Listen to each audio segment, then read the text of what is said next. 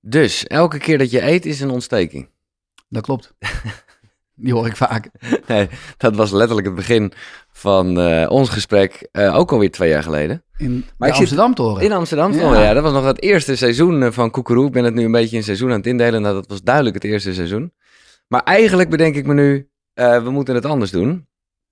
Jij moet zeggen, mijn naam is Richard de Let.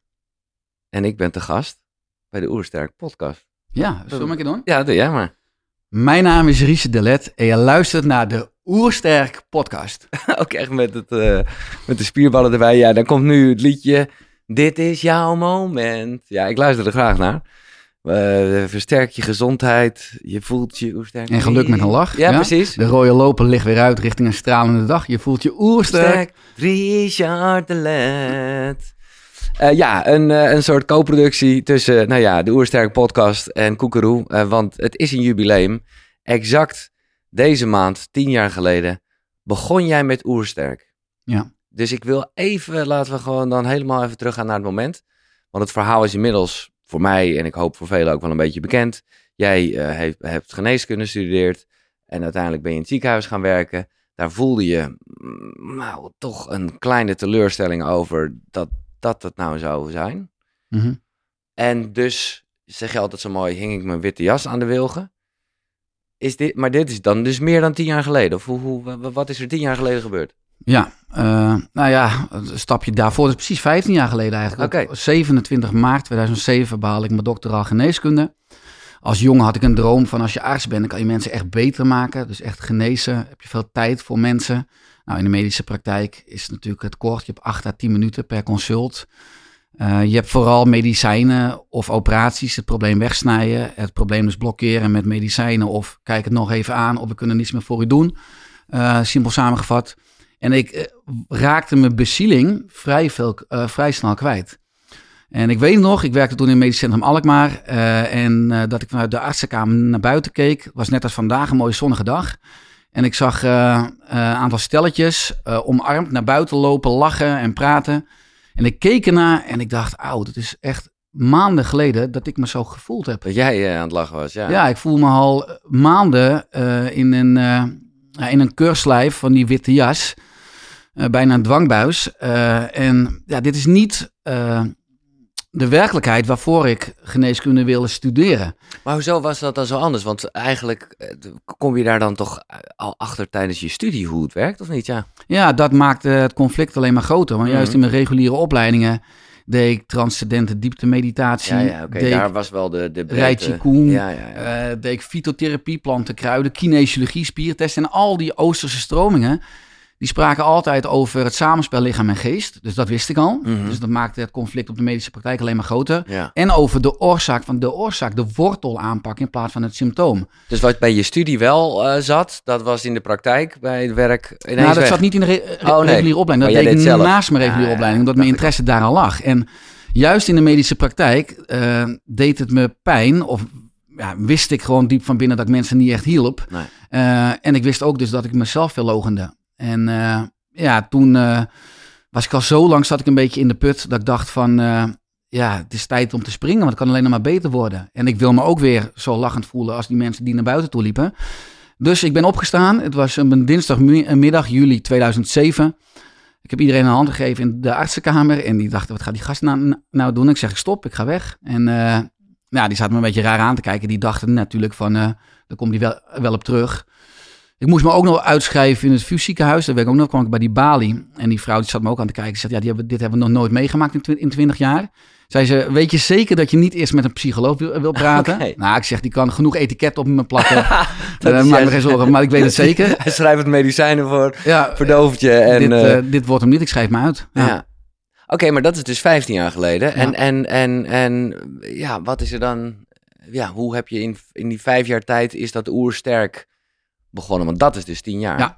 Ja, nou toen eh, had ik een droom dus. Kijk, uit, in de geneeskundeopleiding, ik wist alles over ziektes. Ik wist alles over de dood. Maar ik wil, wist niets over optimale gezondheid, over preventie, over leefstijl. En daar ligt mijn interesse toen Ja. ook al.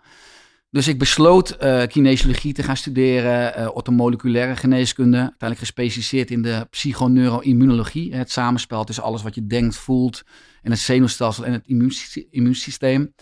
En ik besloot dus begin 2008 een eigen praktijk te beginnen, een praktijk voor integrale geneeskunde. En ik dacht, ja, daar ga ik dus mensen mee helpen. Maar ja, ik loop mijn tijd altijd tien jaar ruim vooruit. Dus in de regio waar ik werkte, in Heemskerk, in de ja. Waren heel weinig mensen bezig met leefstijl, met voeding, met preventie. Dus ik had één, twee klanten per week in mijn praktijk. Ik verhuurde me daardoor, ik moest me 50 tot 60 uur per week verhuren aan thuiszorginstellingen, aan verzorgingstehuizen, aan verpleeghuizen, aan hospices. Daar gaf ik medische zorg, injecteren, stomazorg, uh, zondevoeding, diabetes. En verdiende 27 euro per uur om uiteindelijk al die opleidingen te kunnen betalen. Ja. En ik dacht, als mijn praktijk gaat groeien, dan kan ik dat afbouwen totdat ik van mijn praktijk kan leven en mijn droom kan leven. Maar 2008, 9, 10 en in 2011 kwam ik in een soort nou, spirituele crisis, noem ik het. De huisarts zijn burn-out. Geloof ik niet, want ik was er in twee, drie maanden ook weer uit. Maar ik, ik werd in 2010 vader van Noah. Ik wilde mijn gezin ook financieel kunnen dragen. En ook in 2011 had ik nog maar twee, drie, vier klanten per, uh, per week. Dus ik werd geconfronteerd en ik zakte eigenlijk weg in een soort nou, slachtofferschap. Maar ik dacht, mm. Richard, wat beter een ongelofelijke sukkel.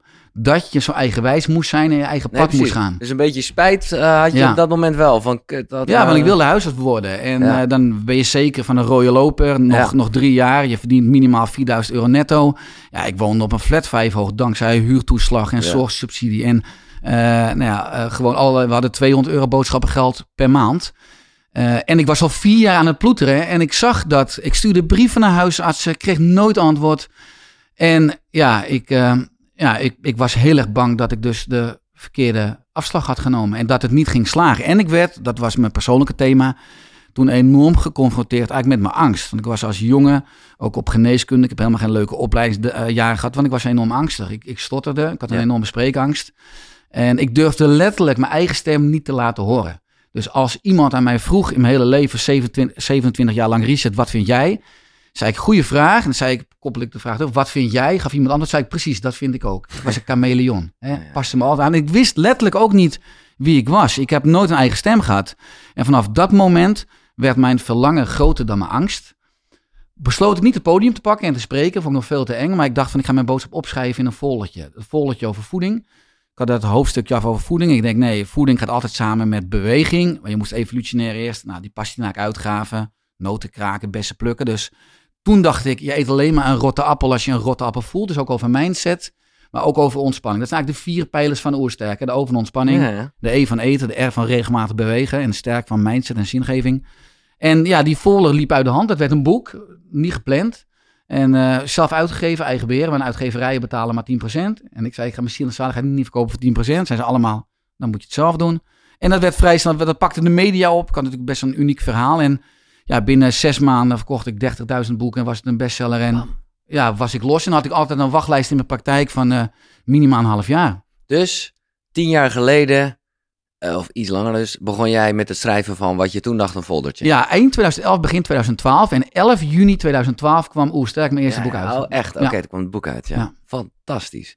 En ik vind het mooi, ook met de struggles. Uh, en ik, ik kan, ja, bedoel, ik ben blij dat je zo eerlijk bent over hoe je ook wel daaraan twijfelt of nou de goede beslissing was, was geweest. Maar als ik kijk naar je laatste boek, Zielsgelukkig is kerngezond ja, ergens in essentie had je wel voor jezelf gekozen. Ja. En, en, en ja, dat is precies waar dat boek over gaat. We zullen het daar straks uitgebreid nog over hebben. Maar je hebt, hebt wel je hart of je ziel, of hoe je het ook wil zeggen, dat heb je wel gevolgd op dat moment. Ja, absoluut. En uh, dat is ook wel wat ik heb ervaren. Dat het uiteindelijk het belangrijkste is dat je de weg van je hart volgt.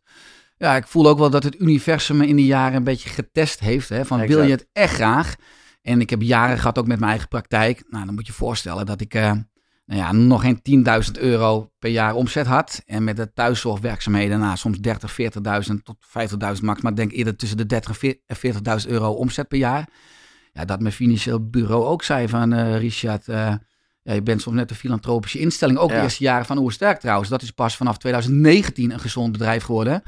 En ook ver erna, toen het boeken al uit waren. Ja, ja zei het financieel bureau vaak van, ja, zou je niet een keer een baan gaan zoeken of in loondienst? Maar ja, die passie, dat is eigenlijk wel hoofdstuk 1 over gaat in mijn nieuwe boek, de taal van de ziel. Ik heb er altijd enorm veel voldoening uitgehaald. En voor mijn gevoel heb ik ook niet echt een keuze. Is dit ook de reden waarom ik hier op aarde ben? Ja, maar ik kan me toch ook voorstellen uh, dat mensen die luisteren, hè, zeker met dat vaderschap wat je, wat je omschrijft, dat ze, dat ze dan toch de keuze maken. En die ja, komt toch ergens ook voort uit liefde. Oké, dan maar die minder leuke baan uh, waar je wel die 4K pakt in plaats van, uh, zoals jij het net omschreef, in die uh, subsidiehuurwoning. dus dat is, je moet Ja, het durven. Dat is de afweging. Kies je voor de maatschappelijke droom van eh, een goede baan en een titel en een koophuis en twee auto's en twee keer per jaar vakantie. Eh, en, en goed sociaal aanzien als je het zo dan eh, vertaalt. Of Mhm. kies je voor de weg van je hart. Ja. En dat je dus wel in een, in een huurappartementje woont. eh, maar dat je ja, gelukkig bent, je gelukkig voelt. Dat je weet dat je die activiteiten doet. Ik geloof ook echt dat Oersterk was ik blijven doen als ik het als vrijwilligerswerk één of twee dagen in de week had moeten doen. Want natuurlijk komt er wel een punt dat je zegt, oké, ik heb het nou, een aantal jaren, of nou, nou drie, vier, vijf, zes, zeven jaar een kans gegeven. Ik ga gewoon een baan zoeken.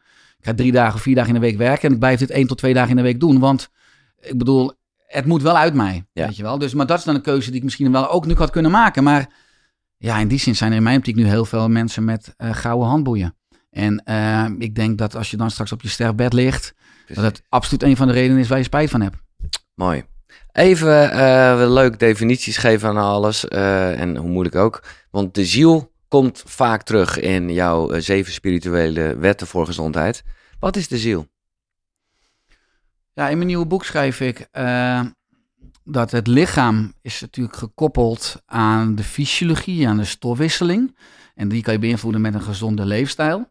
Eh, de mind of de geest is vooral gekoppeld aan de psychologie, hè, wat je ook kan beïnvloeden met mindset. Maar de onzichtbare bestuurder van lichaam en geest is de ziel. En dat is nog steeds een vaag antwoord, maar in mijn Ja. optiek is dat Aristoteles zei, ehm, we hebben allemaal, worden we geboren met leegtes. En leegtes is datgene waar je door aangetrokken wordt. En als je je leegtes in het leven vult, dan leidt dat dus tot vervulling. Ja. En dan heb je letterlijk een voldoend leven en dan kan je eigenlijk vol leven en leeg sterven. Dat is ook wat jij net even heel snel zei, maar heel duidelijk. Op, dat op een gegeven moment het verlangen groter werd dan de angst. Ja. Ja. En dan ga je die leegte vullen. Ja, en ook zo. Dus dan durf je ook echt je eigen pad te gaan. Dan durf je af te wijken van de norm. Want is die sociale erkenning is veel minder belangrijk. Heel veel mensen die zijn sociaal geaccepteerd, maar ze hebben wel hun eigen eh, hart. Hè. Veel mensen doen ten diepste niet wat ze zijn. Nee. En dat is een dure ruilhandel. Prima, eh, maar alles heeft een prijs. Ja. En de grap is dus dat ik veel eerder ervaarde in mijn weg vanuit de geneeskunde. Dat ik in de eerste jaren alles aanvloog vanuit vlees en bloed. Dus vanuit voeding en vanuit supplementen. En dacht, ja, ik kan met orthomoleculaire geneeskunde, maar 70% van de mensen behaal ik positief resultaat mee. Nou, toen ging ik ook werken met, met de mind en met, met, met, met negatieve overtuigingen of met trauma's of met mindset. Nou, dan kan je tot misschien wel tot 97 of 99 procent van de klachten oplossen. Maar er zijn ook mensen, en dat fascineerde me enorm, als je dan eh, met een anamnese uitvraagt hoe ze leven, die affirmeren een half uur per dag. Alles oké. Eh, ja. die, die bewegen, die mediteren, die Ja. slapen, die hebben superfood, ze hebben supplementen. En toch zijn ze ziek of hebben ze klachten. Want Ja. als je niet op de weg van je hart bent, als je niet datgene doet eh, waarom je hier bent, bij jouw unieke talent en kwaliteiten, dan kan ook je ziel, of de driehoek lichaam, geest, ziel, gaat klachten geven. Wat we in de geneeskunde dus ook, ook ziek, eh, ziekte noemen. Ik, ik noem het liever dus ook signalen. Om je te laten weten dat je niet op de weg van je hart zit. Ja. En dat samenspel, of die reis, ja, dat vind ik echt magisch. Ja, juist misschien ook dat het onverklaarbaar is, maar je het in essentie wel voelt. Je haalt een boek aan, ik kende het niet. Eh, meer brein, minder medicijn. Lisa Winklin. Ja. wat hier een beetje over gaat, waarbij zij ook zegt, ja, alles onder controle, weet je wel. Groente, beweging, vitamines, alles eh spot on. Maar ja, toch niet gezond. Eh, en ja, dat ligt dan aan dat zielgedeelte. Zou je het zo kunnen Ja, in essentie is denk ik het kernwoord. Kijk, toen ik begon, nog eens, waarom ging ik Oersterk schrijven? Er waren toen 5,3 miljoen mensen chronisch ziek in Nederland. Nou, ik had toen, ik was echt een dromer. Ik denk, Ja. ik ga Nederland de wereld beter maken. Nou, Oersterk kwam uit 2012. Nu 10,2 miljoen mensen. Dus ondanks Oersterk en allemaal activiteiten, ik bereik 1 miljoen mensen per jaar, is het bijna verdubbeld. Verdubbeld, ja. Nou, soms mag je misschien ook dingen met maximale twijfel aannemen. En kan ik nog afvragen, is misschien mijn informatie verkeerd dat het bijgedragen heeft aan deze cijfers? nou, dat, hoop ik niet, die illusie heb ik niet. Maar we worden als moderne mens letterlijk steeds zwakker, steeds dikker, steeds zieker, steeds dommer. Alle lijnen gaan zorgwekkend de verkeerde kant op. Ondanks al mijn goede werk van sterk. En uh, ja, daarom wordt de boodschap en mijn missie steeds urgenter. Ja, dat zeg je met uh, nog steeds heel veel passie om het uh, tij te keren. Uh, maar ja. Ik denk niet dat het gaat gebeuren. Oké, nee, oké, okay, maar dat is precies... Realistisch. Nee, we gaan ten onder aan ons oerbrein. Dat is ook wat ik uitgebreid toelichten dan in ja. het nieuwe boek. En het hele maatschappij die communiceert met ons oerbrein. er is een voedingsindustrie die ons continu verleidt om te eten. We hebben nou een instinct voor zoet en zout en voor overeten. We hebben een olieindustrie en een entertainmentindustrie die continu ons verleidt van comfort. Hè. We hebben een instinct voor energiesparen om te zitten. En comfort, dat vind ik echt, dat, eh, dat vond ik heel krachtig. Jij zegt, comfort is eigenlijk de ziekte van het moment. De werkelijke pandemie, ja. ja. Ja. We gaan letterlijk ten onder aan ons evolutionaire succes. Alle instincten die ons gediend hebben in de oorspronkelijke oeromgeving en toen beschermend waren, zijn in, de, zijn in een onnatuurlijke omgeving, de moderne maatschappij, schieten we onszelf eigenlijk in de voet. En we gaan dus echt ten onder aan ons succes. Ja. ja. Maar ja, dit zeg jij en je denkt hierover na, je bent hiermee bezig. Maar ja, je, ja, even heel negatief gezegd, wat heeft het allemaal nog voor zin dan? Nou, de wal, je ermee? De wal zal het schip gaan keren. Kijk, ook als je kijkt naar de politiek. Die is er vooral om ons veilig te houden. En we afgelopen twee jaar ook ervaren. De grootste gezondheidscrisis in mijn leven. Uh, alleen maar op veiligheid van buitenaf. Of nou is over mondkapjes of afstand houden of vaccins. Totaal niet op weerbaarheid van binnenuit. En daar ligt de revolutie. Ook op basis van de nieuwste inzichten. Ik vind het echt nou ja, echt onethisch. Ik vind het, ik vind het zorgwekkend. Ik vind het, ik vind het schandalig dat we niets horen bijvoorbeeld over voeding of, of leefstijl. Maar ook ben je ook niet benaderd, gewoon uh, off the record met, met toch wel instanties? Zeker, ja. zeker. Ik ben ook benaderd door ambtenaren van het ministerie van Volksgezondheid. Richard, wil je meedenken in een denktank? Okay. Doen ze expres, dat zeggen ze ook wel achter de schermen. Zijn, uh... Als de minister, weet je wel, ik ben ermee bezig. En eigenlijk gewoon als, als bliksemafleider, mm. als kluitje in het riet word je. Word je en, en bij al die mensen die mogen meedenken, toch het gevoel van... Uh, nou ja, we zitten ook aan tafel. Zit in appgroepen met uh, veel voorstrevende artsen in Nederland, bijna allemaal, ruim 200.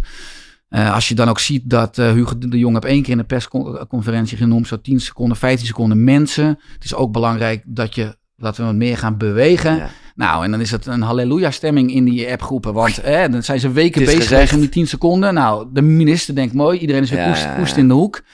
Uh, maar ja, in de contracten met de farmaceuten staat ook gewoon, ja, we jullie mogen maar op één paard wedden. Het is, we hebben een ijswinkel gehad met één smaak de laatste twee jaar. En dat is zo'n gemiste kans. Zeker ook als je de laatste wetenschappelijke inzichten gaat bekijken. Als je echt gaat kijken naar wat is eigenlijk het probleem? En wat is ook eigenlijk het. Wat is dus de oplossing? Waardoor we nu in het najaar als volk totaal niet in de problemen kunnen komen. Enerzijds moeten we ons richten op leefstijl, dus voeding, beweging, ontspanning. Op twee sleutelhormonen, insuline en leptine. Als we mhm. daar gevoelig voor zijn, dan is het immuunsysteem superkrachtig. Nou, bijna iedereen is resistent, ongevoelig op die twee hormonen. Dus het immuunsysteem is enorm verzwakt. Aan de andere kant kan het immuunsysteem pas goed functioneren als het die bouwstenen heeft om goed voor ons hè, te kunnen blijven zorgen. Nou, welke bouwstenen ook de laatste publicaties afgelopen jaar laten allemaal zien: omega-3 vetzuren, zink, magnesium, vitamine D3, selenium en vitamine K.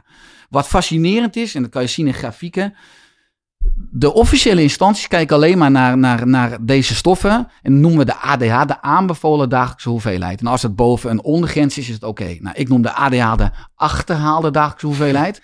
Want wat zie je nou als die stoffen boven de ondergrens zitten en we krijgen bijvoorbeeld een virus of een trauma, dan gaat het immuunsysteem zoveel van die stoffen gebruiken dat het enorm de concentratie zakt van die stof onder de ondergrens. Mhm. En dan kom je in de, in de problemen. Dan kom je in het ziekenhuis, kom je even op de IC. Dat leidt tot een cytokinestorm, een overactief immuunsysteem die zichzelf niet meer kan remmen. Trekt alle energie weg bij organen en dat leidt tot de dood bij iedereen die op de IC overlijdt of in het ziekenhuis. Nou, wat blijkt nou als die stoffen gewoon veel boven, veel hoger boven de ondergrens zitten? dan gaat het immuunsysteem die stoffen pakken. Maar je komt niet onder die lijn, onder de ondergrens. En je ziet dat die mensen komen niet in het ziekenhuis, komen niet op de IC. Nou, als we dus afgelopen anderhalf jaar ook deze stoffen extra als, als supplement zouden krijgen. Of we krijgen echt een voedingsplan rijk aan Ah, deze stoffen. Ja, dan eh, zouden we met vertrouwen en rust zouden we het najaar in kunnen. Zou de hele maatschappij open blijven. Zou de hele economie niet naar de kloten gaan. En al die ondernemers. Ja. Ja, en eh, ja, ik vind het dus ook weer enorm zorgwekkend en onethisch als je kijkt gewoon naar die belangen. Ja, Kom ik ook weer uit, uit mijn vakgebied. Ziekte is gewoon een fantastisch, fantastische markt. een bu- businessmodel, ja. Ja. Ja, man. Ik weet dat wij het in ons gesprek, dit was echt nog pre-corona, maar toch ging het al over vaccineren. eh, omdat je er toen al, eh, nou ja, een duidelijke visie over had. En ik, ik weet niet meer waarom ik er, want ik heb die vraag nooit gesteld, maar in ons gesprek toen wel. Juist omdat je uit de geneeskunde kwam Ja. en ik toch ook zoiets had van, ja, het heeft ook preventief wel wat voordelen. Nou, je was daar toen al heel duidelijk in. Mhm. Kijk, wat ik alleen wel heb, maar ik, want ik, ik ja, eh, ik, ik- nou ja, ik denk niet, ik weet dat je helemaal gelijk hebt. Maar ja, jij noemt dan Hugo de Jonge, maar het, dit is natuurlijk veel mondialer. Mhm. Het is dit, het is dat wat jij zegt met, met die supplementen, met die stoffen, met, met eh, de gezonde voeding en de beweging. Ja, dat is ook niet dat wij, wij als landje dat net even anders hadden kunnen doen. Nee, nee, nee, wij gaan niet vaccineren. Bij ons krijg je een eh Vitaly eh supplementenpakketje. Dat, ja. dat is toch ook nee, niet... nee, ja, zeker wat je zegt. Het is zorgwekkend dat dingen steeds eh gecentraliseerder Ja. gaan. Of nou Europa is, Ja. of de World Health, eh, Waardoor de grip volledig weg is. Ja, zo'n commerciële club of, of het World Economic Forum. Ja, kijk, ik ben, ik ben geen antivaxer. Alleen het coronavaccin, als ik daar specifiek even op in mag gaan, Ja. is eigenlijk eh, hebben ze de definitie van een vaccinatie aangepast. Het is natuurlijk een gentherapie. Maar ook natuurlijk afgelopen september dat ik bij Eva Jinek aan tafel Ja. mocht zitten. Ja, Tegenover eh eh OMT-lid en kamerarts, of, ka- kinderarts Ili. Uh, toen zei ik ook al, laten we nou zeker kinderen. Je Ja. ziet dat afgelopen twee weken ook vaccineren bij in Amerika. Van baby's van zes maanden tot kinderen van vijf jaar nu goedgekeurd is. En een op de vijf ouders in Amerika gaan het nu al doen. Ja, ik, dan, ik moet soms ook wel eens huilen als vader. En dat ik ook denk van, waarom luister... Waarom doen we dit ongecontroleerde medisch experiment? De kans is groot op de lange termijn, we weten het gewoon niet. Dus better safe than sorry, dat zei ik ook bij Jinek aan tafel. Maar er is ook natuurlijk wel een reële kans. Je ziet meer toename van auto-immuniteit, maar ook onvruchtbaarheid. Ja. Aan de andere kant probeer ik ook met humor als medicijn altijd. We zijn nu met 7,2 miljard mensen op de wereld, wat veel te veel is. Eh, optimaal is eigenlijk 500 miljoen mensen voor de aarde, voor, voor hè, du- duurzame kringlopen. En de natuur veroordeelt niet, maar werkt wel met natuurlijke consequenties en regelt zich- zichzelf. Dus als dat vaccin tot extreme onvruchtbaarheid zou leiden, ja, op macro-perspectief is dat fantastisch. dus, dus het komt altijd goed. oké, ik ben blij dat je het nog een soort van positief eh, weet te houden. Of in ieder geval met humor inderdaad, zoals je zegt. Ehm, laten we gewoon toch even eh, gaan over de dingen die je wel eh, hè, in handbereik hebt. Ja. Eh, en dan komen we ook al snel bij eh, je boek aan. Al vind ik dat soms ook lastig. Want jij legt heel erg uit. Nou, misschien is dat even goed om te doen. Want die termen zullen dan nu wel even de revue passeren. Eh, je oerbrein en je mensbrein. Mhm. Even, wat, wat, hoe moet ik dat zien? Ja, je oerbrein bestaat uit twee delen. Het oudste gedeelte in de, gedeelte in de hersenen is de, het reptielbrein, de hersenstam. Daar zetelen de instincten. En eh, het mensbrein, of sorry, eigenlijk nog het tweede deel in het oerbrein, dat is het zoogdierenbrein, de Ja. aap, het limbisch systeem. Er zit onder andere de amygdala, de amygdala aan twee kanten, dus, dus angst. Hè. Veel mensen doen dingen niet vanuit angst, dan dingen wel vanuit plezier. En het oerbrein zegt eigenlijk kies voor het bekende, ook al ben je ongelukkig. Dan de sprong wagen hè, eh, voor het geluk als je dus eh, ook het onbekende eh, durft te betreden. Daarom blijven heel veel mangen- mensen hangen in toxische relaties Ja. of bij een baan waar ze niet gelukkig zijn. Maar ze hebben nou iedere maand die gouden handboei of dat loonstrookje wat ze kennen. Maar het oerbrein, daar zitten eigenlijk instincten en impulsen. Die willen eigenlijk van dingen af en naar dingen toe. Dat werkt ook heel erg met straf en beloning. Waar de hele maatschappij, alle industrie op inwerken. Maar het mensbrein is eigenlijk het nieuwste. Eh, op een klok van 24 uur bestaat het mensbrein eigenlijk nog maar 5 minuten. Ook de prefrontale cortex. Dat onderscheidt ons van beesten. Daar zit ons verstand, maar daar zit ook beheersing. Ja. Hè, eh, het oerbrein zorgt voor een primaire impuls. Ook dat je soms verbaal wil uitvallen. Dat je iemand een klap voor zijn hartjes wil geven. Maar het mensbrein remt het oerbrein. Als je het mensbrein traint. En dat je uiteindelijk alleen maar eh, handelt volgens je principes en je kernwaarden. En het mensbrein kan het oerbrein remmen. En het mensbrein is echt anti-ontstekend. Dus hangt weer samen met de parasympathicus. En dus eigenlijk lang, gelukkig en gezond leven. En het oerbrein is heel erg gekoppeld aan sympathicus en continu pro-ontstekingsreacties. En Ja. waardoor je eigenlijk minder lang en vitaal leeft als je op het niveau van het oerbrein leeft. Maar we hebben het alle twee. Ja. En we zullen het ook met alle twee moeten doen. En dat vind ik soms een beetje... Dat, is het dualisme gewoon. Dat is het dualisme, maar dat jij dan ja, mij soms iets te makkelijk zegt, nou, daar moet je dus niet naar luisteren. Eh, ja, je oerbrein wil je weerhouden van je plannen. Luister dus naar je mensbrein. Dat helpt je om de beste keuzes te maken door alle pech en problemen heen. Ja, ik snap het. En, eh, maar Ja. dat, zo werkt het natuurlijk. Ik bedoel, dat oerbrein is Ja. fucking sterk. Maar ik bedoel daar eigenlijk mee te zeggen, heb respect voor het lijden. En het hebben, als je iets nieuws wil, als je iets echt naar iets, naar iets verlangt, dan zal het spannend zijn. Dan zal je misschien Ja. in jou is bang. Maar dat mag, dat is prima. Maar laat je oerbrein niet domineren. Want als je oerbrein leidt, letterlijk met een kort ei, wat Mhm. 27 jaar van mijn leven is geweest. ja. eh, en ik volgde. Maar zorg dat jij leidt en dat je oerbrein volgt. Dus of je nou kijkt naar het oerbrein, kan je het ook noemen met andere woorden, je innerlijk kind. Ja. Of die angst, die is er gewoon. Ja. Dus, dus omarm die, accepteer die. Maar laat die dus niet eh, te veel aan het woord. Zeker niet als het je veel langer blokkeert. Als je daarmee kiest voor de comfortzone. Want dat is eigenlijk continu Ja, de strategie van het oerbrein. Ja. Nee, oké, maar jij zegt luister er wel naar, maar eh, hè, de bekende laat hem niet achter het stuur zitten. Maar dat is wel, nou ja, heb je, heb je daar, en ik weet dat je die hebt, dus eh, heb je daar dan tips voor? Want het is, ja, het is bijna niet te doen om, ja, je instinct, dat, is, dat zit erin. Dus, dus Ja. je, je bent, wij zijn eh pijnvermijdende wezens, toch? Ja, zeker. Nou, de essentie is ja, zijn wie je bent, maar eh, dus ontspanning. Het begint Ja. ook met de eh, eerste eh, pijler van Oersterk. Diepe ontspanning is enorm belangrijk. Ik zei net, het centrale woord is vervreemding. Hè, De moderne mens is vervreemd van zichzelf, Mhm. is vervreemd van de ander en is vervreemd van de natuur. En dat zorgt eigenlijk voor een radicale toename aan nu ook chronische welvaartsziektes. We worden letterlijk ziek van de welvaart. Wat een paradox is van de oermens zou een moord doen om één dag in 2022 te Ja. mogen leven. Ja, nou weet ik niet. En de oplossing is verbinding. Ja. Eh, dus diepe ontspanning. Als je continu stress hebt of druk, druk, druk bent, wat veel mensen hebben, dan gaat ook bloed naar het oerbrein. Dus bij ontspanning, dan gaat er al veel meer bloed eigenlijk naar eh, de, de balans tussen je linker en rechter hersenhelft. En dan kan je ook veel meer proactief je leven inrichten. Heel veel mensen leven reactief. En continu op ook van, hè, of het nou notificaties zijn, of Mhm. alles wat op je afkomt. Op allemaal urgente prikkels, maar wat gaat ten koste van wat belangrijk is. Onder andere persoonlijke ontwikkeling, vrije tijd, Ja. gezinstijd. Dus ontspanning is enorm belangrijk dat je dat kadert. Maar echte diepe ontspanning heb je pas. Niet alleen maar als je in een hangmat op de Malediven ligt, maar ook als je vrede in je hoofd hebt.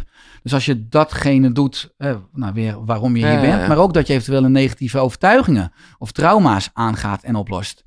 En we zouden dus in het moderne leven veel meer voor ontspanning mogen kiezen. Ik denk dus dat een acht uur werkweek echt is eigenlijk, is eigenlijk onmogelijk om dan gebalanceerde mens of mensheid te hebben. En dat, dat stamt nog af van het ja, ja. fabriekstijdperk. Ja. Ja. We zouden een- zes uur werkdag mogen hebben. Eh, gewoon twee uur per dag voor optimale zelfzorg. Ja. Ja, je zegt nog een beetje dat links-rechts. En ik denk dat misschien in accenten wel werkt. Maar ik heb laatst ook ergens gelezen dat het helemaal niet zo ontzettend werkt met links zit de logica en rechts zit het gevoel. Tuurlijk niet, dat doen we in de leerboeken. Alle- Ja. Alles is één hologram. Dat is, dat is zo magisch. Ja, ieder onderdeel, of het geheel komt terug in ieder onderdeel. Dat is ook zo mooi als je kijkt naar de complementaire geneeskunde. Of je nou naar iemand gaat die de iris pakt als deur. Of, Ja. of, de, of het oor of de hand. In ieder onderdeel zit het geheel. En eigenlijk zijn er 10.000 deuren die op dezelfde kamer uitkomen. Mooi. Eh, het woord stress is gevallen. eh, en dan, eh, nou ja, weet ik ook dankzij jou met de koude douche en zo, waar we het eerder over gehad hebben. Eh, dat er wel ook natuurlijk eh, stress nodig is. Want dat is juist als je eh, niet je, in je comfort gaat. Dus het verschil tussen distress en eustress. Ja. Spreek het zo uit? Ja, de moderne mens gaat ten onder aan chronische stress. Chronische stress maakt je zwakker. Dus eh, maakt je hormonen uit balans. Cortisol, insuline, leptine, vervet de lever. Zorgt ook voor meer afzetting van vetcellen op de En buik. dat chronische, even, eh, dat is gewoon een beetje zo'n soort sluimerding op de achtergrond waarbij je altijd een beetje zorgen maakt. Ja, altijd. Ja, of dat je 120 keer per dag op je telefoon kijkt. Ja. Of dat je eh, 120 mails per dag krijgt eh, met veel te grote projecten of deadlines. Ja. Of dat je veel te weinig slaapt. Eh, dat je veel te weinig in de natuur bent. Voor je lichaam is dat al chronische stress. Dat is Mhm. namelijk eh, als je gewoon het autonome zenuwstelsel gaat meten. Dus dat zijn allemaal eigenlijk chronische stressoren die, eh, die je zwakker maken op de lange termijn. Ja? En de oplossing is, uh, is acute stress. Dus we zouden eigenlijk veel meer acute stress in ons leven mogen uitnodigen. Mhm. Waaronder bijvoorbeeld, wat je zegt, een koude douche. eh, waaronder een maaltijd overslaan. eh, waaronder minder vaak per dag eten. Waaronder een stuk hardlopen. eh, waaronder eh, op tijd naar bed toe gaan. Want acute stress maakt je stresstoleranter. Dus als we Ja. meer acute stress uitnodigen, dan kunnen we veel beter met chronische stress omgaan. En dat is, dat is de uitdaging van de moderne mens. Dit is, eh, in essentie is dit precies ook de oplossing naar, eh, nou ja, naar inderdaad een vreselijke Het is tijd. heel simpel, maar de uitvoering in het moderne leven is niet makkelijk. Nee, nee, nee. Maar heb jij dan, vroeg ik me af, hè, eh, als we gewoon ook even, ik bedoel, jij staat vandaag hier in de spotlight, ook in je eigen podcast, want tien jaar, wat fantastisch is, en daar wil ik nog, maar kijk, er worden hier drie overtuigingen genoemd, waarbij ik, ik denk, shit jongen, ik ken ze alle drie nog, ik ken ze ook nog zo goed, want ik voel ze af en toe ook nog zo. Ik ben niet goed genoeg, ik ben niet geliefd, ik word niet gehoord. Ja, Heb jij, hoe, ja, hoe zit dat bij jou? ja die had ik ook allemaal. Maar Eh, jij zegt had, dat, zijn, dat is... nou ja, kijk.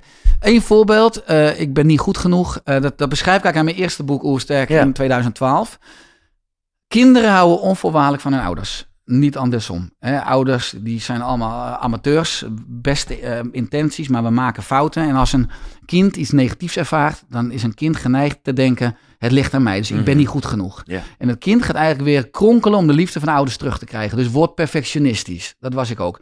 19 op de 20. 1 op de 20 wordt rebels. Die had ik vroeger ook in mijn klas. Vooral negatieve energie om maar te voelen... oh, ik mag er wel zijn, ik ben Ja. goed genoeg. Ja. Ehm, nou, ik had ook natuurlijk... ik ben niet goed genoeg. Wat zich bij mij vertaald heeft in de variatie... ik weet niet voldoende. Ik heb belachelijk veel opleiding gedaan. Ik heb belachelijk veel boeken gekocht. Totdat ik op een gegeven moment merkte van... ja, het is een put die ik gewoon niet, niet kan vullen. Dat is gewoon een variatie van ik ben niet goed genoeg. Dus ik ben ook vooral...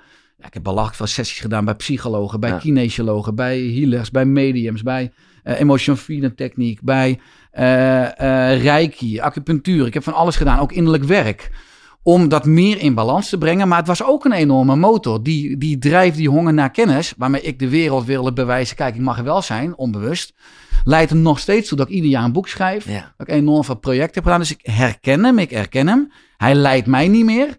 Maar ik weet niet of je het al 100% kan helen en, en, Nee, en nee. oplossen. Maar, je gebruikt het echt nog steeds misschien wel positief van zijn drive. Ja, en het leidt niet meer. Maar hij mag nu gewoon lekker bij me zitten. En ik herken hem en ik erken hem meer. ja. Maar ik denk dat ieder mens wel variatie, dat ieder mens deze Nee, negatieve overtuiging heeft. Ja. En als je dan net even dat hele rijtje opnoemt, wat het precies natuurlijk de verschillende facetten zijn die hier vaak ter sprake komen, omdat iemand is gespecialiseerd in een van die dingen. Wat is nou, eh, ja, is er, is er één specifiek ding dat jou, ja, op dat moment het, het, het meest geraakt heeft? Of, of in ieder geval, eh, nou ja, wa- wa- waardoor je tot dit inzicht bent gekomen? Dat je ineens zat bij, eh, ik hoorde je EFT noemen of Reiki of whatever. Wat, Ehm, ja, ik heb wel eh, aardig wat, wat jankbuien en inzichten gehad tijdens die sessies. Wat me ook enorm heeft geholpen nog daarvoor was toen ik 18 was. Toen liep ik eh, veel psychologen al plat. Toen kwam Ja. ik een keer bij een RED-psycholoog, een rationele emotionele therapie. En ik had ook, ik, ik vond, ik had enorm rare gedachtenkronkels. En die man zei een keer, die, die psycholoog, weet je dat je alleen maar beoordeeld wordt op je outcoming? Dus alle rare dingen in je hoofd, dat weet niemand. En dat vond ik zo heel het inzicht. Ik dacht, oh, dat is waar ook inderdaad. Dat, Lekker. eh, Oh, dat wat weet goed. alleen ik. En, dat, en hij zei, dat heb iedereen, weet je. Dus dat heeft me enorm geholpen. En wat me enorm geholpen heeft ook, was eh 21 oktober 2014. Ik was altijd ook nog steeds een pleaser. En als je een pleaser bent, of als je het belangrijk vindt dat andere mensen je aardig vinden, dan heb je ook continu ben je de omgeving aan het scannen. En continu kost het heel veel energie. Het is eigenlijk een soort energielek. En ik was live op Radio 1, naar aanleiding toen van mijn derde boek, Oerstuk Leven. En eh, nou, dat item be- be- bespreek je voor, die, die weken voor, was een hele Ja. eh, prettige flow. Nou, dat item, en ze kwamen in mijn praktijk voor integrale geneeskunde Heemskerk, zo'n studio opbouwen, zo'n bus voor de deur met zo'n antenne van 15 Ja, meter. ja, ja. Het item begint. En ik zit er met mijn koptelefoon en ze gingen me aankondigen. En er is iets in de trant van, nou, dit is de man die 185 euro per uur kost. Toch zit zijn praktijk vol. En eh, ik dacht, dat is wel een beetje mijn humor. Maar ik dacht, nou, op een gegeven moment merkte ik, oh, wat is geen humor. Ze zijn me een beetje aan het dissen. En eh, ja, ik was eh, zenuwachtig. Er was Radio 1 en veel mensen die luisterden. Maar toen kwam als tegenpartij in mijn item van 10 minuten kwam professor Frans Kok. Wat ik ook niet wist. Die hadden ze toen mijn derde boek gegeven, Oerstuk Leven. En die professor zei, die had mijn boek doorgenomen. Ze vroegen, wat is uw mening? En die zei, En die halen een aantal quotes uit. Die zei, mensen die dit schrijven, horen in de psychiatrie thuis. Zo.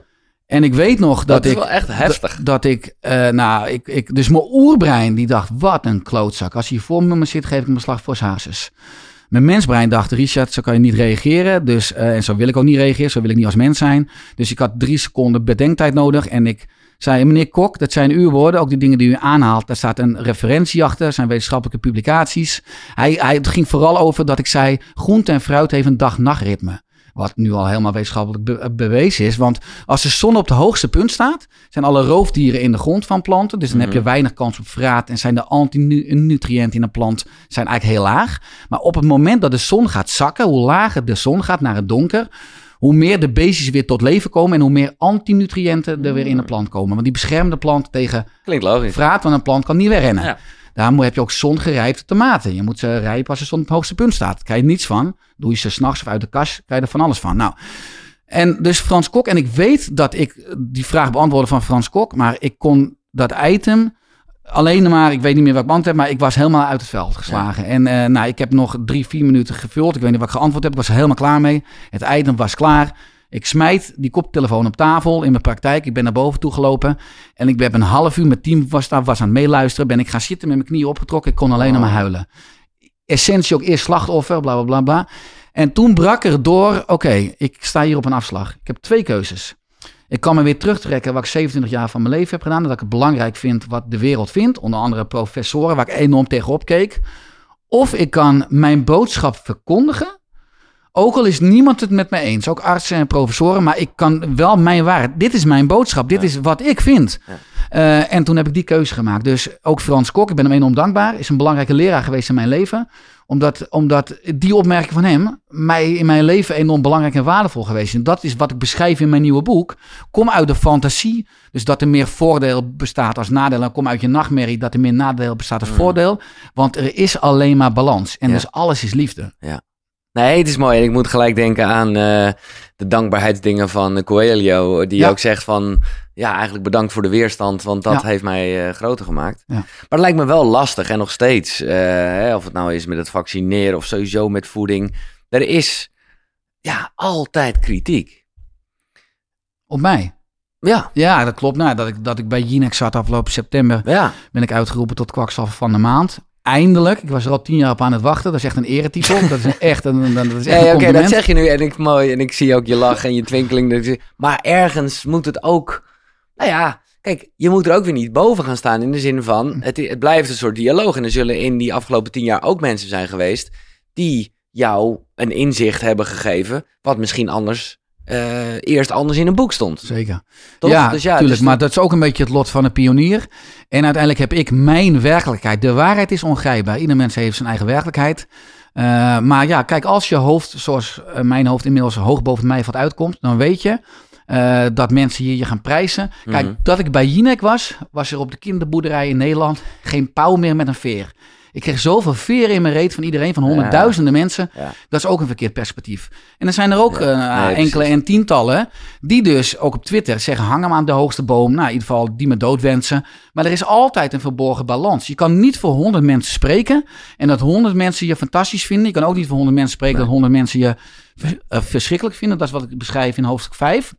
Als we teruggaan naar de kleinste materie, naar eh, protonen en elektronen, gaat een positief en negatief deeltje gaat altijd samen. Dus een voordeel, een nadeel, positief, negatief hoort bij elkaar. En dat is balans en dat is liefde.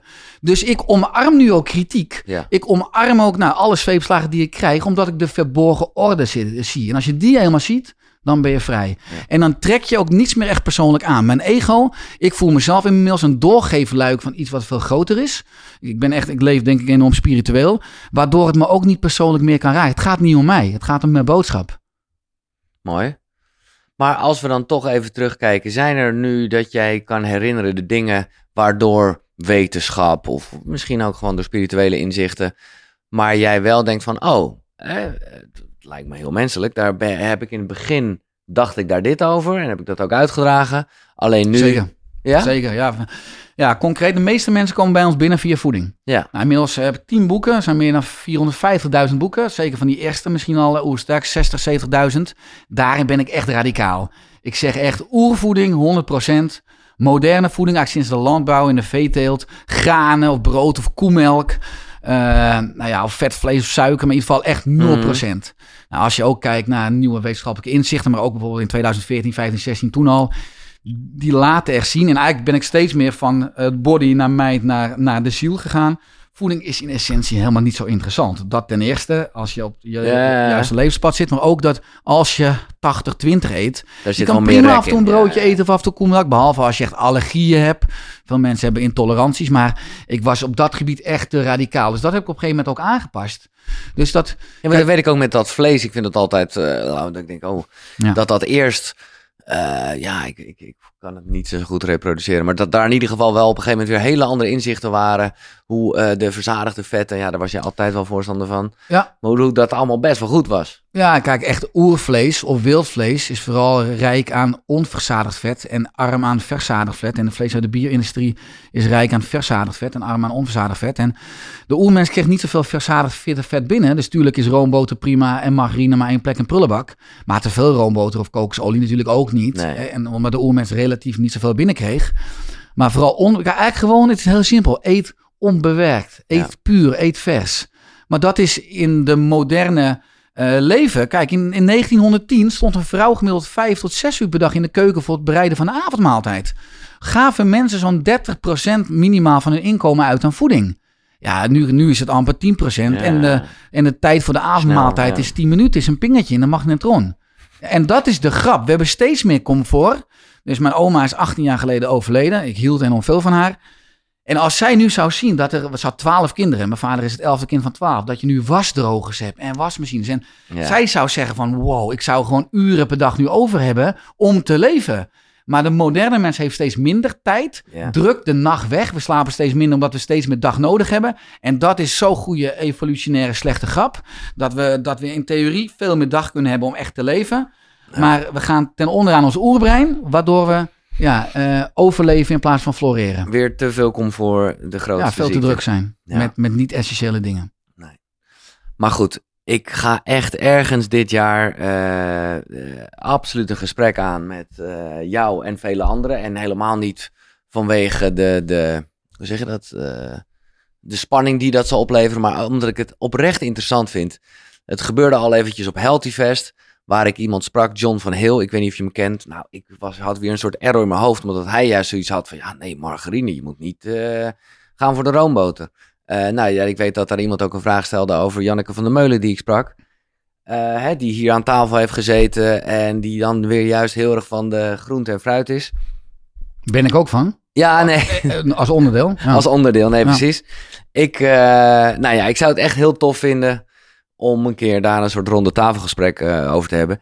In, en in, in, over, bedoel, als we het hebben over een 80-20 regel, denk ik dat jullie het allemaal eens zijn. Mhm. Eh, hè, als het gaat om, maar het is toch... Nou, niet, niet, niet helemaal als je wel kijkt naar het belang van orgaanvlees of ook bepaalde superfoods die de oermens had. Maar ik denk dat er zijn ook gewoon verschillende menstypes. En het Ja, is altijd persoonlijk dat- menswerk. Ook als ja. je naar de Ayurveda kijkt, dat ik ook Ja. al, be- eh, al beschreven in mijn eerste boek. En iedere goeroe die zegt altijd en nooit, die liegt. Ja.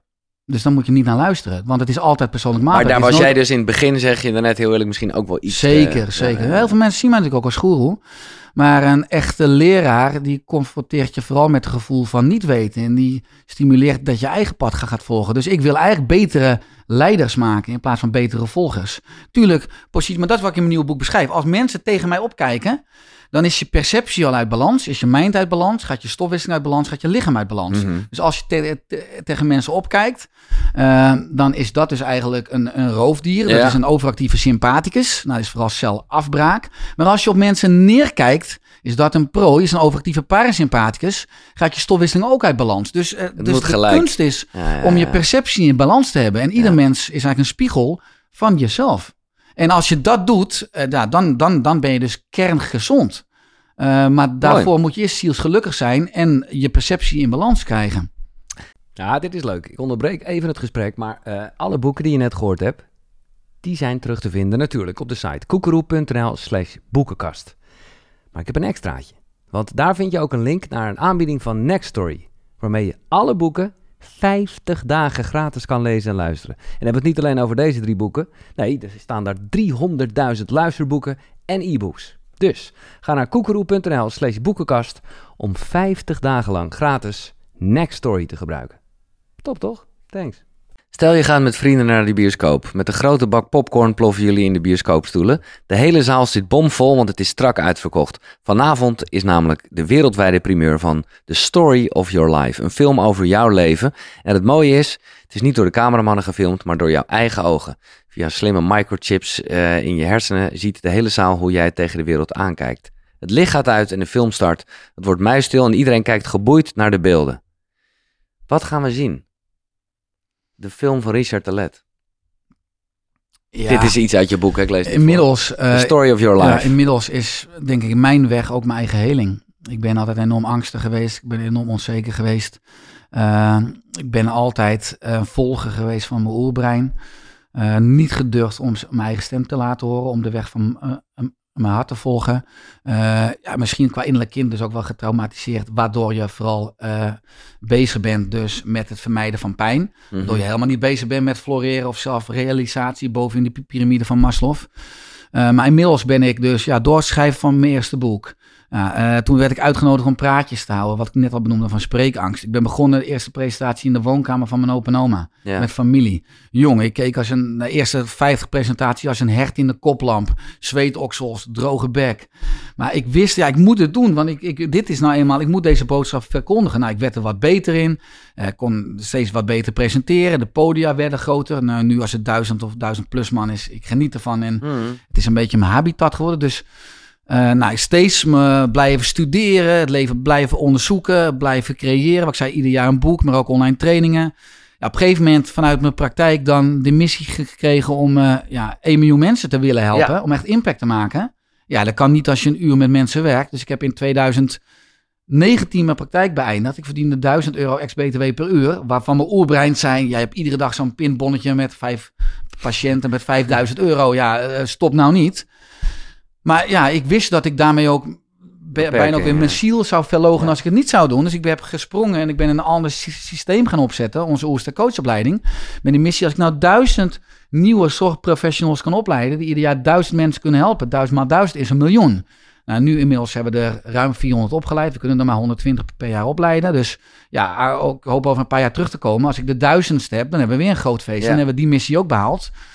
Nou, maar eventjes. Uh, ik wilde dat eigenlijk als grande finale doen. Maar ja. jij wilde uh, een miljoen mensen bereiken. Ja. Dat is gelukt. Ja, we hebben 1 miljoen mensen per jaar op de website. We bereiken 1 miljoen mensen per jaar met de socials. Ja. Wat heel abstract is. Want als je dat natuurlijk nee, voor je zou, zou zien, zijn allemaal gewoon mensen. En ja, ook natuurlijk met de landelijke media-aandacht die ik de laatste jaren heb gehad. Ja, de enorm bereik. Ja, nee. Dus, dat, dus dat is. En dat, ik, ben ik weet nog dankbaar voor. Ja, dat, dat weet ik wat je, dat, je, dat je dat toen zei. En dat voelde lekker groot. Hè? En ik zei toen, dat is voor mij twee jaar geleden. Je bent natuurlijk al uh, acht jaar daarvoor was je aan het knallen. Ja. Dus dat is gewoon gelukt. En uh, allemaal vanuit een uit de hand gelopen passie. Ja. ja. Vanuit iets heel kleins. Maar hoe moeilijk is het, uh, of is dat helemaal niet erg, dat toch ook het ego daarmee aan de haal gaat en dat dus inderdaad lekker vindt en het gaaf vindt om op een podium te staan met, met uh, zoveel honderd man en zo. Hoe, hoe ga je daar zelf mee om? Want dat voelt dan weer heel erg oerbrein. Ja, het steeds meer. Kijk, het, wat ik laatst, ik had afgelopen week een item ook op social. Het meeste wat ik zelf gecreëerd heb en gemaakt heb, is geflopt. Bijna alles is mislukt. Maar dat was die afspraak die ik had met professor Paul de Blow op Nijrode Universiteit. Toen uh, hoogleraar business en spiritualiteit, was toen 92 jaar. Inmiddels overleden een paar jaar geleden. Maar één quote op zijn uh, werkkamer aan de muur. Ik kan het beste niet kiezen. Het beste kiest mij. Als je af en toe ruimte en ontspanning hebt in je agenda, dan kan het universum het beste voor je voeten gooien. En ik zie heel erg wat op mijn pad gekomen is, dat is een succes geworden. Dus als je het hebt over synchroniciteiten, ja, ja. van die toevalligheden. Ik wil iedere maand minstens nog één synchroniciteit hebben, dan weet ik, ik zit weer nog op het juiste pad. Als ik het niet heb, Als een soort teken. weet ik, ik heb chronische stress, ik moet weer rust in gaan bouwen, ik moet, moet weer even een paar stappen terug, want er is geen signaal. En iedere maand nou, zijn er synchroniciteiten. En ja, dus vanuit ego, ik weet dat mijn plek uh, heel erg beperkt is. Dat interessant is natuurlijk sowieso de gedachten die je hebt. Is het jouw gedachte of is dat het, het collectieve veld? Is dus, dus ja, uh, inmiddels ben ik wel in die zin wel op mijn plek uh, gezet en ben ik probeer ik heel erg dus ook vanuit die ruimte, en ik noem het de uitleiding van de drie breinen. Nou, is de hersenen, waar we, die we het podium geven in de maatschappij, is het derde brein. Ja. Het hart klopt als eerste, is het eerste brein. Darmen zijn het tweede brein. En je hoofd is eigenlijk pas het derde brein. En als die drie breinen uitgelijnd zijn, heel af en toe krijg je het juiste antwoord van je hoofd, maar veel vaker van je hart, je verlangen, maar ook van je onderbuik, je intuïtie en je drijfveren. En als je beide drie breinen kunt horen, kunt voelen, want de ziel schreeuwt niet, die fluistert. Ja, dan kan je, al- kan je altijd het juiste antwoord horen. Mm. En ja, dat hoofd, dat ego, waar veel mensen die leven in hun hoofd, in hun lichaam, bungelt eraan vast. Daarom maken ze zoveel foute keuzes. Daarom zijn ze aan het strukkelen. Daarom is hun leven zo taai. Omdat ze niet verbonden zijn met hun belangrijkste twee breinen. Nee. Ben jij nog veel aan het studeren in bijvoorbeeld, ik weet dat je cursus in wonderen aanhaalt en ik, eh, weet je, dit is eh, gewoon heel erg via jouw eigen woorden wat je wel eigenlijk de hele tijd zegt, namelijk volg de liefde en niet de angst. Mhm. Of is dat gewoon, heb je op een gegeven moment een soort stap gezet en is dat, is het, eh, ja, gaat dat van nature?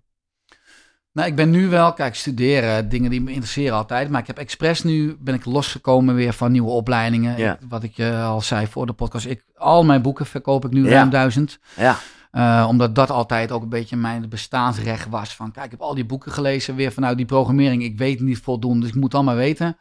En ik wil nu juist weer die leegte op gaan zoeken. En mijn eh, uitdaging nu is dat ik zo belachelijk veel kennis heb en zo verschrikkelijk veel weet. mhm. Maar het pad weten of kennen, cognitief, is heel wat anders dan het pad lopen. Eh, Tony Robbins zei natuurlijk al, eh, toen ik daar zeven jaar geleden was, if you don't do it, you don't know it. En heel veel mensen weten het, maar als je ook in de, ik heb in mijn praktijk BN'ers begeleid Ja. en topspots en mensen uit de quote 500. Ook kennis mensen- hebben ze allemaal. ja, die weten het, maar als Ja. je kijkt naar hun leven, ja, ook de buitenkant, uiterlijk, een enorm mo- een mooie gevel, maar als je een deur open doet, naar de binnenkant één grote puinhoop. Dus ja, dat is uiteindelijk, vind ik nu ook weer mijn uitdaging, om dat ook veel meer walk your talk te krijgen. Want ik heb afgelopen jaren toch ook wel iets te druk gehad en soms ook wel iets veel chronische stress met mijn ambities. Ja, nou oké, dat vind ik eerlijk dat je zegt, ook in je rol als vader, wie, eh, Ja. die je natuurlijk goed wil doen en volgens mij fucking goed doet hoor. Eh, maar dat eh, ja, brengt me dan toch inderdaad bij, bij de toekomst. Ik bedoel, tien jaar, nou ja, hoe lang, ja, wat, wat, wat, hoe ziet de toekomst eruit? Ja, de toekomst is sowieso met de Oester coachopleiding duizend mensen gewoon echt Ja. opleiden. Omdat Ja. we dan 1 miljoen mensen kunnen helpen. Eh, de toekomst is, eh, wat ik in het najaar waarschijnlijk ga lanceren, echt weer een nieuw kernproduct vanuit Oersterk. Maar heb je het nu over Vitaly of iets nee? Vitaly bestaat al. Ik wil, echt een, ik wil dus echt een meetbaar product maken, maar ook gewoon dat mensen met een vingerprik inzicht kunnen krijgen in hun metabole gezondheid. En bijna iedereen is uit balans. Ja? Een drie maanden traject waarmee je dat meetbaar kan verbeteren. En met de beste experts. En dan na drie maanden weer een vingerprikje. En dan zie je je eigenlijk je eigen me gezondheidspaspoort. Ben ik nu aan het maken. Ja, dat, dat, dat is fantastisch. Dat is eigenlijk wat ik ook nu wil maken. Om iedereen die concrete handvatten te Maar geven. met dan wel, ik bedoel, daar zal Vitaly, ik zie hier is dit een nieuwe eh, box? Ja? Vitaly is helemaal een nieuwe jas. Een, Oh. nieuwe huisstijl. Ja. Deze ken ik niet. Vitaly, Maar ja. want ik kan me wel voorstellen dat na dat prikje dat toch een van de oplossingen wordt. Even los van eh, misschien dat je ook rust moet nemen en beweging, maar Zeker. toch ook gewoon Zeker. bepaalde stoffen die je Ja, maar mist. ik ben natuurlijk, kijk, Vitaly is ook ontstaan uit eh, de noodzaak dat ik al die aanmerken opbelde. En vroeg, Ja. hebben jullie geen totaalconcept? Of, of willen jullie het gaan maken? Zeiden allemaal nee. Dan is het ook de ondernemer in mij dat ik ga het zelf maken, omdat de therapie trouwen heel slecht is als mensen dat in losse potjes doen. Ja, Maar ja, ik kan, je kan natuurlijk zeggen van, vanuit verkopen van ga die stoffen nemen. Maar ik zei ja, ga ook maar prikken, want meten is weten, zo Ja, ben ik opgeleid.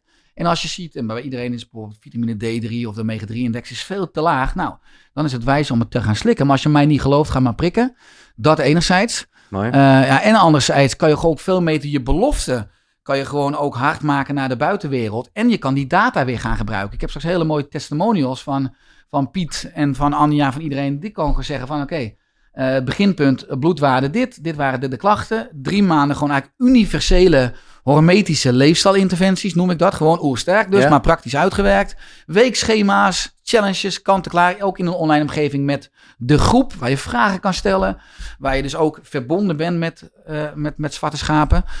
Eh, Zoals jij ze noemt, hè? De, de, ja, de- dus, de dus je strijders. moet afwijken van de norm, Ja. want, de, want de norm is natuurlijk heel ongezond. Eh, dus, dus dat kernproduct op poten zetten. En dan uiteindelijk ook wel, misschien vanaf volgend jaar, waar ik altijd wel van gedroomd heb, internationaal. ja. Dus boeken, eh, online Ja. trainingen in Engels, en nu ook misschien wel in Spaans, Oké in dan. Duits.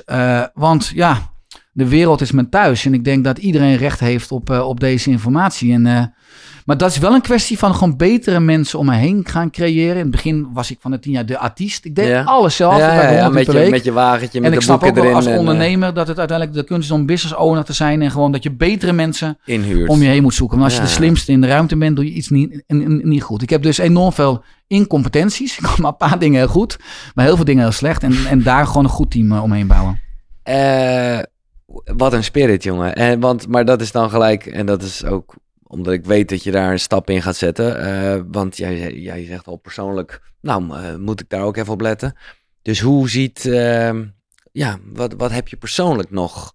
Hè, want dit is allemaal heel erg de business waar wij het over hebben. En dat is ook je passie hoor, dus dat, ik snap het. Eh, maar heb je persoonlijk nog doelen of dingen die ja, die je gewoon wil? Ja, een goede vader zijn. Ja, ja, in die zin. Maar dat, ja, dat, wat ik zeg, dat ben ik denk Ja. ik. Eh, ook omdat ik gewoon eh oersterk, het kantoor is in de straat waar, waar ik woon. Dus die jongens Ja. komen aansteppen, die komen, komen aan fietsen, die lunchen mee. Ik ben voetbaltrainer al zes, zeven jaar van Noah. Ik sta twee keer per week op het veld. Dus dat heb ik ook allemaal al zeg maar, afgekaderd. Eh, maar ik wil eigenlijk gewoon wel steeds minder werken. De essentie, ik wil nu naar een zes uur werkdag ben ik nu al. Ik wil eigenlijk naar een vier uur werkdag. Eh, ik ga per september ook echt een jaar naar Spanje toe. Eh, een soort sabbatical, daar gewoon part-time Ja, maar drie ochtenden in de week werken. Dus ik ga mezelf opnieuw uitvinden. Ik word in oktober 40. Dus dat is voor veel mensen natuurlijk wel een punt van... Ja, ik heb alles eigenlijk nu waar ik van ge- gedroomd heb. Niet per se dat ik zeg, is dit het? Want ik ben fantastisch Ja, rijk. ja. Maar ik wil mezelf opnieuw uitvinden, vooral door heel veel in de natuur te begeven. Ik wil mezelf als gezinsman inderdaad wel weer met mijn vrouw en onze twee, twee zoons opnieuw uitvinden. Maar ook als businessman, nadat ik nu even wat meer van het bedrijf afga, of de bedrijven afga, Ja. ook weer eh, opnieuw eh, uitvinden. En eh, ook dan daaruit kijken wat het universum weer voor mijn voeten gaat gooien. Dus ik ben be- beschikbaar voor het hogere, voor mijn missie. Ik denk dat ik dat nu al leef. Ik heb bijna alles van mijn eh, bucketlist waar ik van gedroomd heb. Eh, en ja, ik ben eh, nu gewoon klaar voor ook ja, bijna waar het universum mij voor nodig heeft. Klinkt zo spiritueel, Nee, maar ook een beetje wat, wat op mijn pad komt. Ja. Ja. Wat een spirit, jongen. Ik vind het echt fantastisch.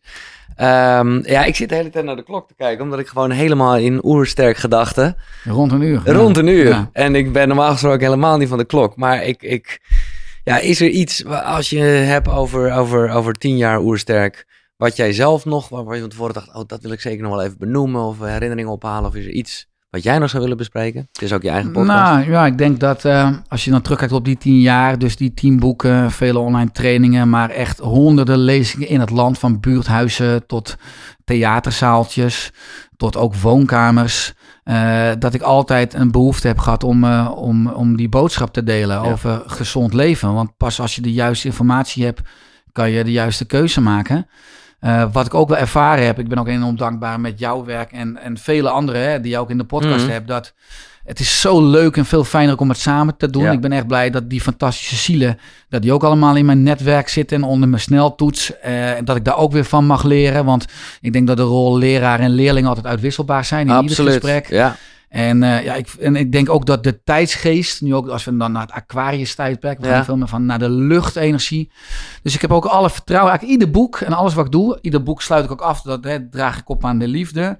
Liefde is het grootste universele medicijn. Eh, en ik geloof ook dat de waarheid in de liefde altijd gaat overwinnen. Want normaal, er is altijd liefde, er is altijd perceptie. Maar ja, ik denk nog wel dat die crisis aankomende jaren nog wat groter wordt. Omdat we, nou ja, ook een crisis weer een kans is. En de wal zal het schip keren. Maar ik wil eigenlijk gewoon op mijn eigen vierkante meter... Ja, die boodschap van liefde, van hoop, maar ook van flauwe grappen en praktische handvatten blijven uitdragen met jou, met vele anderen. Ja. En eh, ja, ik ben ook enorm dankbaar en eh, trots dat, eh, ja, dat ik inmiddels na, na tien jaar nu dit podium heb. En ja, dat is denk ik mijn echte goud. Dat alles wat ik verkondig, wat ik al zei, als dat iets niet klopt, dan kom ik erop terug. Mhm. Ik heb nog nooit een euro aangenomen van sponsoring, van adverteren. Van Nee. ik ben echt alles wat ik promoot, leef ik zelf. Adviseer ik mijn ouders, adviseer ik mijn goede vrienden. En ik denk dat dat wel uniek is ook in het commerciële tijdperk. Eh, en eh, dat mensen die mij kennen of lang volgen, daar ook echt wel achter komen dat ik echt enorme principes en kernwaarden heb. Daar ook fouten heb gemaakt. Bijvoorbeeld afgelopen jaar met een com- een commercieel marketingbbureau. Die zeiden je moet vaker mailen. Want hoe vaker je mailt, hoe Oh. meer omzet. En dat was ook zo. Maar ook meer uitschrijvingen en meer negatieve mailtjes van de Richard, dan ben je com- eh, commercieel Ah. geworden. Totdat ik dacht, ja Richard Sukkel, wat doe je nou? Dat zijn niet je kernwaarden. Dus daar heb ik ook qua marketing en strategie. Eh, afgelopen jaar weer lessen ingeleerd en fouten ingemaakt. Dus excuses volgers. ik mailde iets te vaak. Maar ja, daar ben ik dan ook weer heel eerlijk en transparant in. Dat Lekker man. ik me dan weer daar door externe partijen weer iets te ver Ja, laat je blijft meetrekken lekker van mezelf. en En, eh, pionieren en leren en groeien en uit je comfort. dus ja. die groei gaat gewoon door. En het leven is magisch. En eh, ik hoop dat ik met de luisteraars, kijkers, dat we met z'n allen de wereld echt veel mooier en vitaler en gewoon beter mogen maken. Dit is, dit is natuurlijk de afsluiting van normaal gesproken ook jouw podcast. Ik bedenk me net, maar ja, check het boek gewoon. Want ik vind het echt eh, mooi en eh, by far je meest spirituele boek. Dat ik de zeven wetten niet zo in volgorde genoemd heb. Laat ik dat gewoon ter inspiratie nog doen. Volg je innerlijk vuur, tem je oerbrein, omhels je narigheid. Vergelijk jezelf met jezelf, hè, dus niet met anderen. Geloof je ogen niet, bedank je klachten, kraak de gezondheidscode. Nou, deze wetten heb jij in ieder geval, eh, ben je lekker aan het leven. Eh, en Vitaly, eh, ja, als je het niet kent, ik, ik vind het mooie nieuwe zakjes. Vandaag is weer een nieuwe dag waarop je kiest voor jouw gezondheid. Nu nog zes seconden van je tijd, vier slokken water en hopsakee, je kan er weer tegenaan. Nice. Dat is echt eh, nou, een soort alles in één. Ik zal een linkje in de En beschrijving zetten. Vitelli gaat als een raket, dat is de grap. Omdat dat echt een oerbrein bedrijf is. Dat is gezond en gemak in één. Kijk, oersterk Ja, ja, ja, is ja. tien jaar mensbrein. Je moet je bewustzijn, je En moet dit je vaardigheden knallen.